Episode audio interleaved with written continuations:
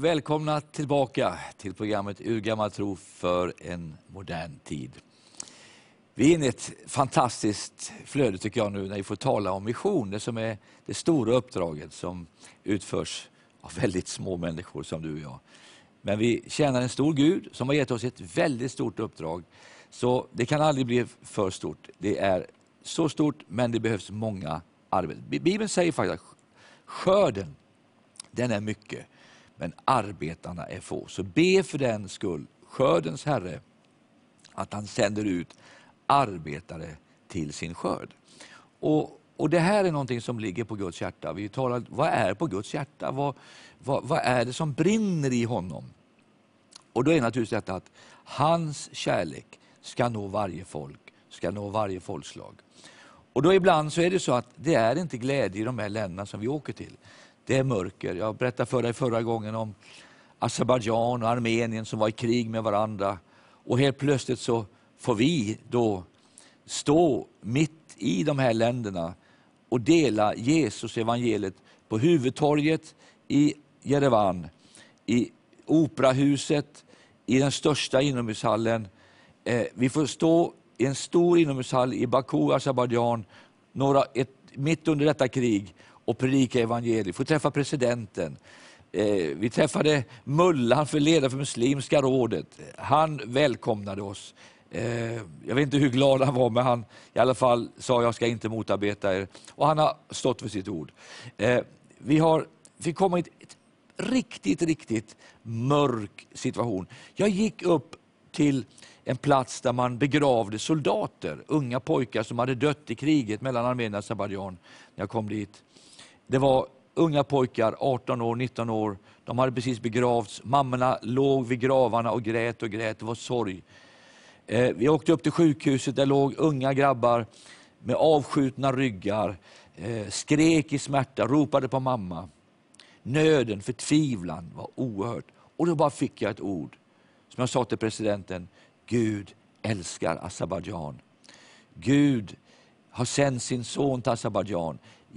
Jesus vill hela Azerbajdzjan. Jesus vill upprätta Azerbajdzjan. Och då sa han, gå ner på tv-stationen, du får gratis tv, tala ut det budskapet. Jag gjorde det. Första mötet så kommer det en, eh, jag tycker det var så fantastiskt, då kom det en, en, en journalist fram och blir frälst.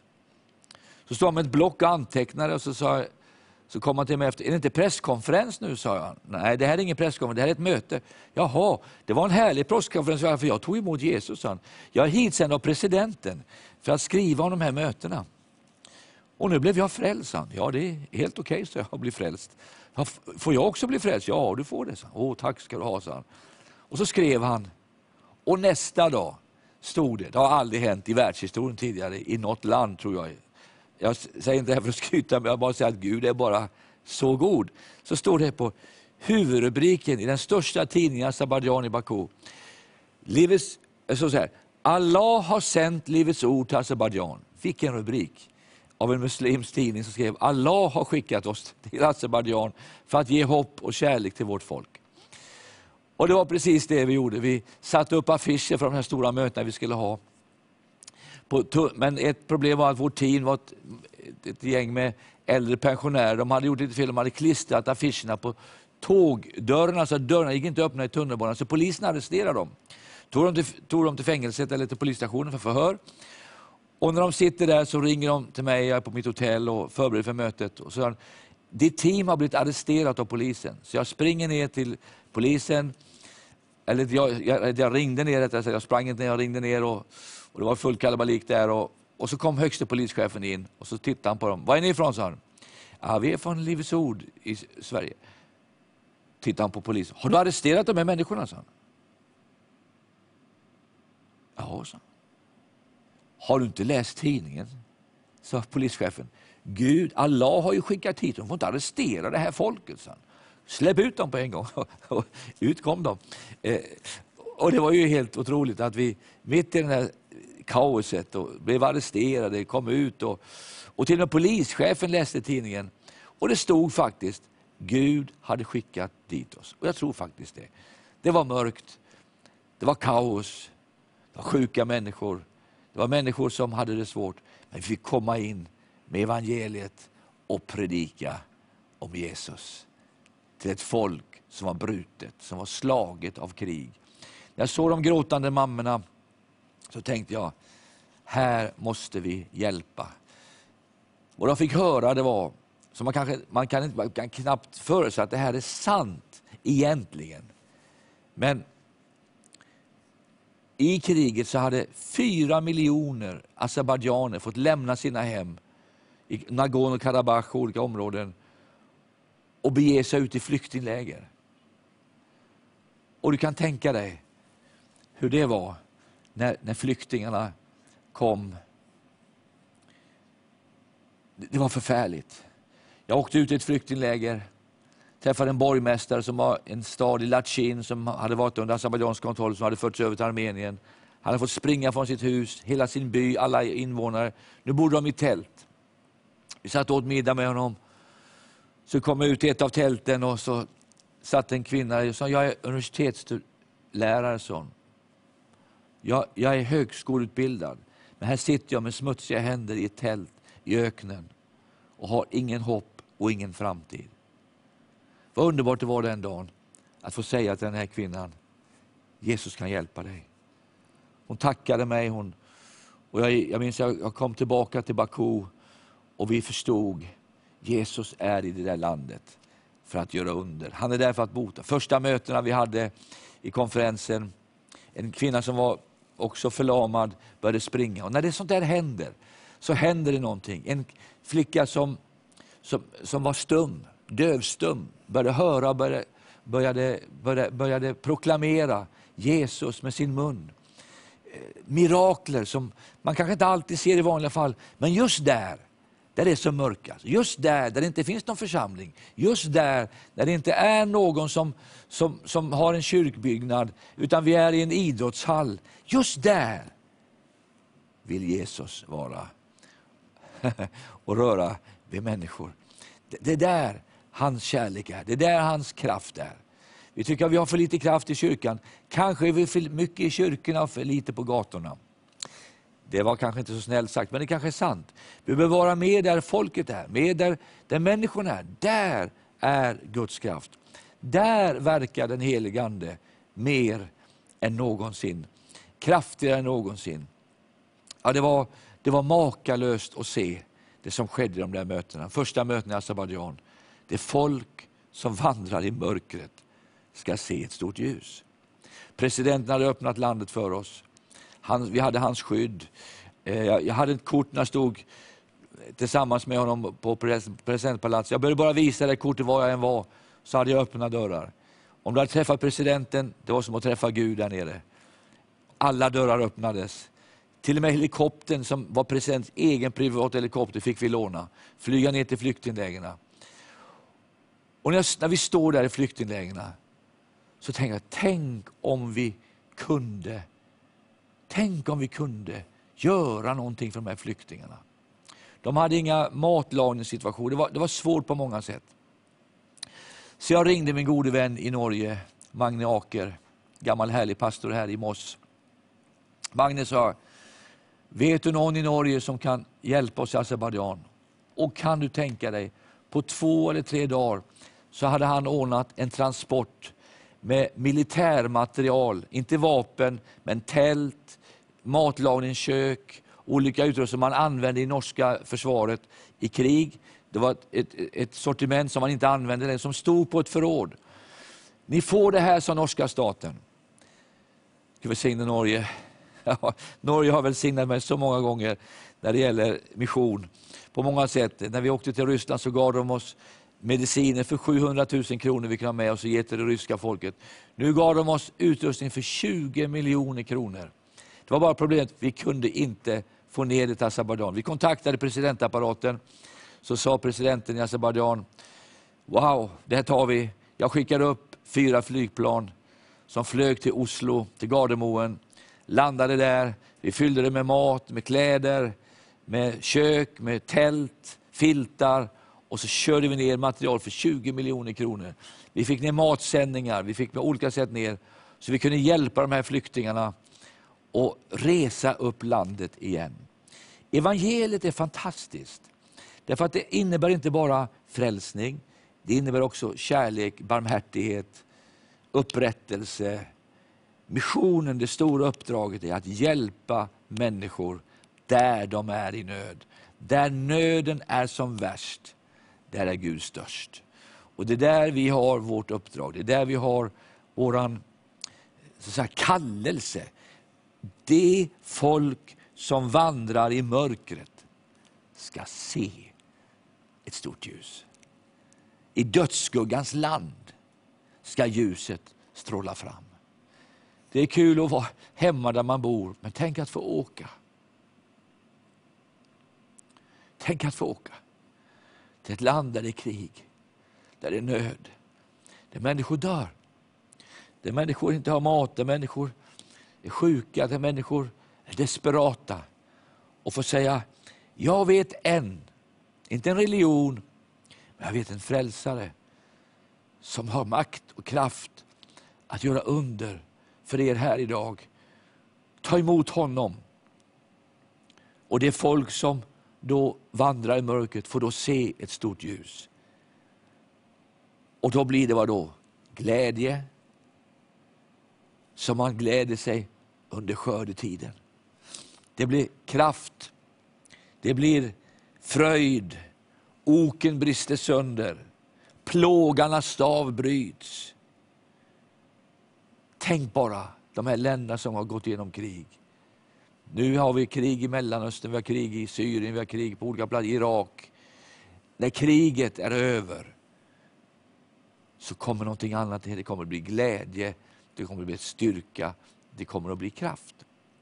Och jag är så glad, jag är så tacksam till Gud att vi har fått vara med i vår församling, vår lilla församling i Uppsala. Vi är inte egentligen en liten församling, men tillsammans med andra församlingar över hela Skandinavien så utvalde Gud oss att gå till de här länderna.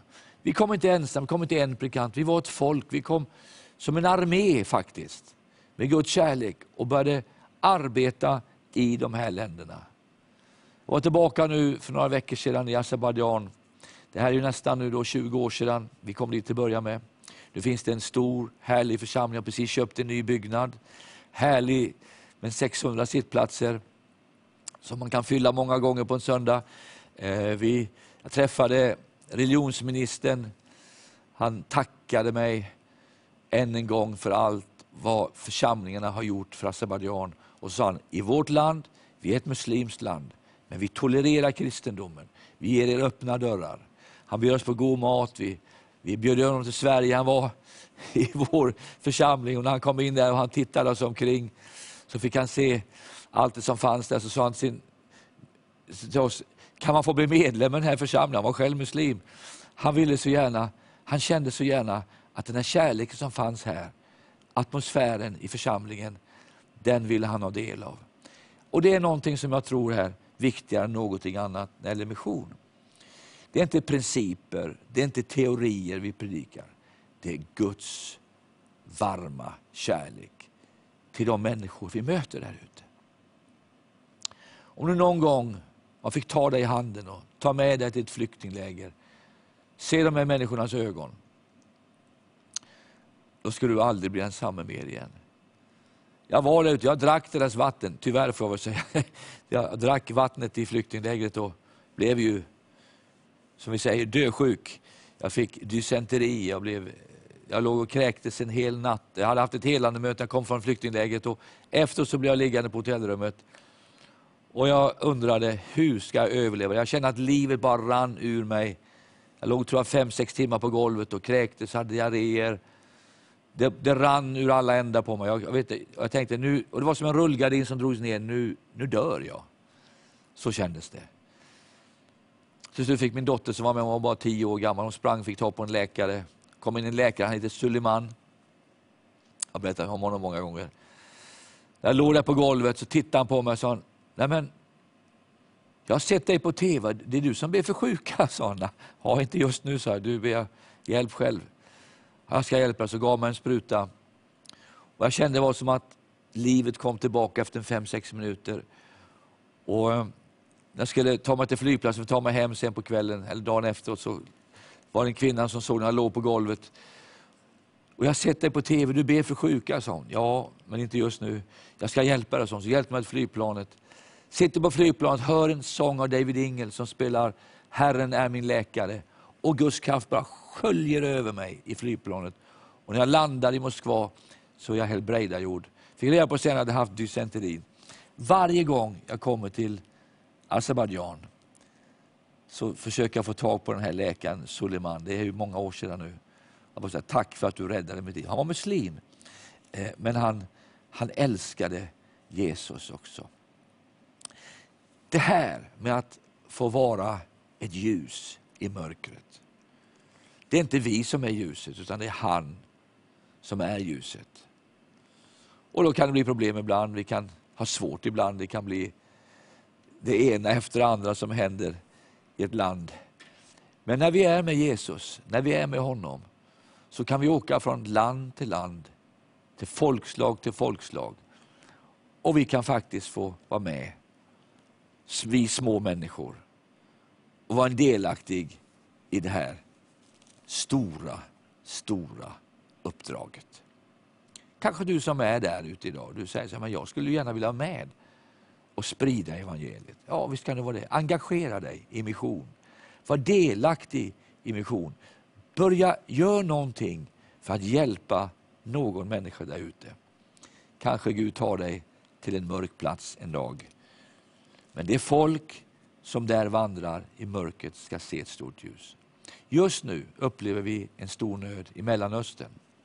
Jag nämnde förra tidigare, vi har börjat arbeta nere i Irak med jesidiska flickor. Det finns 30 000 gravida, våldtagna flickor av ISIS-soldater i Irak idag. Och få gå till dem nu och hjälpa dem. 10-11-åriga flickor har blivit våldtagna av de här grymma soldaterna. Och då tänker jag ofta på Ismael. Kom du ihåg Ismael i Bibeln? Eh, Ismael, han är ju den, från det folkslag där man kan säga där muslimerna kommer ifrån. Och I första Moseboken så finns det en story om honom. Kom du ihåg Hagar, hans mamma? Hon var, hon var en, eh, en mamma som var, bar sin son Ismael på sitt hjärta. Hon, Abraham hade inte fått en, en, en son med, med, med, sin fru Sara, så då fick han en son med, med, med, med, med Ismaels mamma, Hagar som hon hette. Och där ute blev det naturligtvis konflikt, och sen fick, föddes Isak. Och Hagar blev utdriven i öknen, ensam med sin son Ismael. Ismael är ju arabernas fader. När han är där ute så tar vattnet slut, de har ingenstans att äta och Ismael håller på att dö. Har du tänkt på en sak? Om Gud inte hade älskat muslimerna så hade han kunnat låtit Ismael dö och det inte hade blivit något islamskt folk. Men vet du vad som händer? I ifrån första Moseboken, 21 kapitlet, så står det så här. När pojken höll på att dö, jag orkar inte se på den här pojken när han dör. Nu satt, när, hon, när hon satt hon av något avstånd och brast hon i gråt. Men då hörde Gud pojkens röst. Gud hörde Ismaels rop där. Och så sa han, hur är det Hagar? Var inte rädd, Gud har hört pojkens rop där han ligger. Gå och res upp honom och han ska bli ett stort folk. Då öppnade hans ögon och fick se en brunn med vatten. Wow! Det, Gud öppnade en brunn med vatten för Ismael så att han kunde dricka och hans folk skulle bli ett stort folk. Idag har vi ett stort islams folk över världen idag som kommer från Abraham också. Precis som Isak kom från Abraham så kommer också Ismaels folk. Problemet är att vi har fått en religion eh, genom, genom islam som har förstört de arabiska folken, som har förstört och skapat hat i dessa folkslag. Men vad gör Gud här? Han låter Ismael leva. Han låter dem finnas kvar. Och jag tror, förstår du, att du och jag, vi kommer att vara en vattenkälla. Församlingen kommer att vara en vattenkälla för Ismael igen. Gud kommer att öppna en källa i öknen igen i de här arabiska länderna där det är mörker idag, där det är svårigheter idag, där islam har slagit ner sina rötter, där islam har förstört människors liv med hat och hotat, döda alla kristna, döda judar.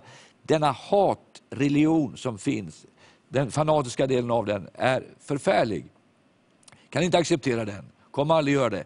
Men folket som är bundna av detta behöver dricka ett levande vatten, få känna Guds varma kärlek. Så när vi kommer dit ner nu i Mellanöstern så är det fantastiskt.